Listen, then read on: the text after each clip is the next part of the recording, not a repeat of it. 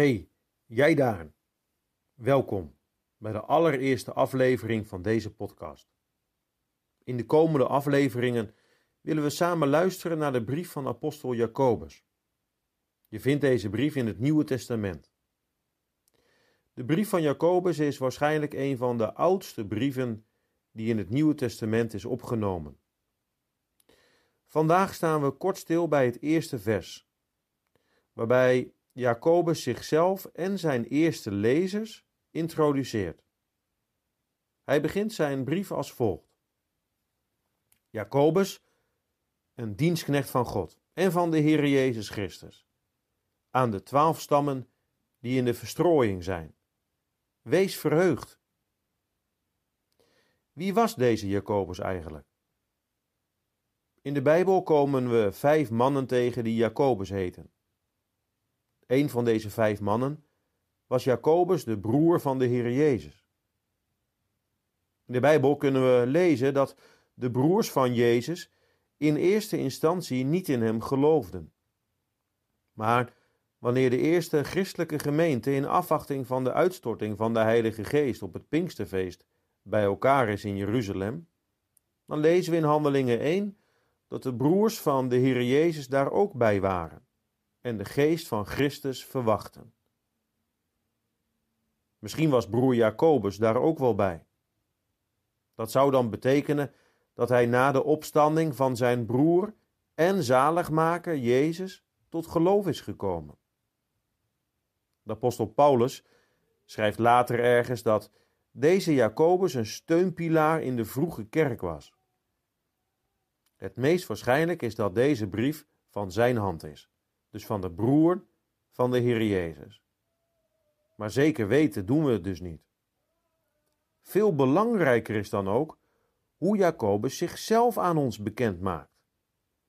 En dan maakt hij zich aan ons bekend niet als broer, maar als een dienstknecht van God en van de Heer Jezus Christus. Een dienstknecht. Dat is dus eigenlijk een, een slaaf, een werknemer, Jacobus weet zich het eigendom van zijn Heer Jezus Christus. En daarom ook van God. Ook voor hem heeft de Heer Jezus met zijn kostbaar bloed voor al zijn zonden volkomen betaald en hem uit alle heerschappij van de duivel verlost. Voor Jacobus is dit zo belangrijk dat hij zichzelf op die manier aan zijn lezers bekend maakt. Door zichzelf zo voor te stellen als dienstknecht van de Heer Jezus, zegt hij ook dat hij deze brief namens Christus schrijft. En dan schrijft hij deze brief aan de twaalf stammen die in de verstrooiing zijn. Dat waren waarschijnlijk de christenen afkomstig uit het Joodse volk, die nog maar pas tot geloof in Jezus Christus gekomen waren. Ook zij waren uit genade zijn eigendom geworden. En vanwege hun geloof in hem kregen zij nu te maken met vervolging. Ze moesten vluchten en ze kwamen overal en nergens terecht. We kunnen hierbij denken aan de christenen in Jeruzalem, die na de marteldood van Stefanus gevlucht zijn naar bijvoorbeeld Syrië, letterlijk uit elkaar geslagen. Aan de twaalf stammen in de verstrooiing dus. Wij ervaren in deze coronatijd ook een klein beetje wat verstrooid zijn inhoudt. Wij kunnen bijvoorbeeld op zondag niet met heel de gemeente in de kerk samenkomen. Iedereen kijkt op zijn of haar eigen plaats mee. Ik ken een dominee die tijdens deze coronacrisis, waarbij dus veel mensen thuis de diensten meemaken, de gemeente op zondag begroet met de woorden: Broeders en zusters hier en in de verstrooiing. Deze verstrooiing merk jij misschien ook wel in andere delen van je leven. Dat je bijvoorbeeld alleen thuis online je lessen of colleges volgt. Of beperkingen kent in je werk of stage. Dat je veel minder kunt afspreken met vrienden. Nou, dat is ook wat verstrooiing met zich meebrengt. Natuurlijk is dat bij ons vanwege een heel andere reden dan bij die twaalf stammen in de verstrooiing.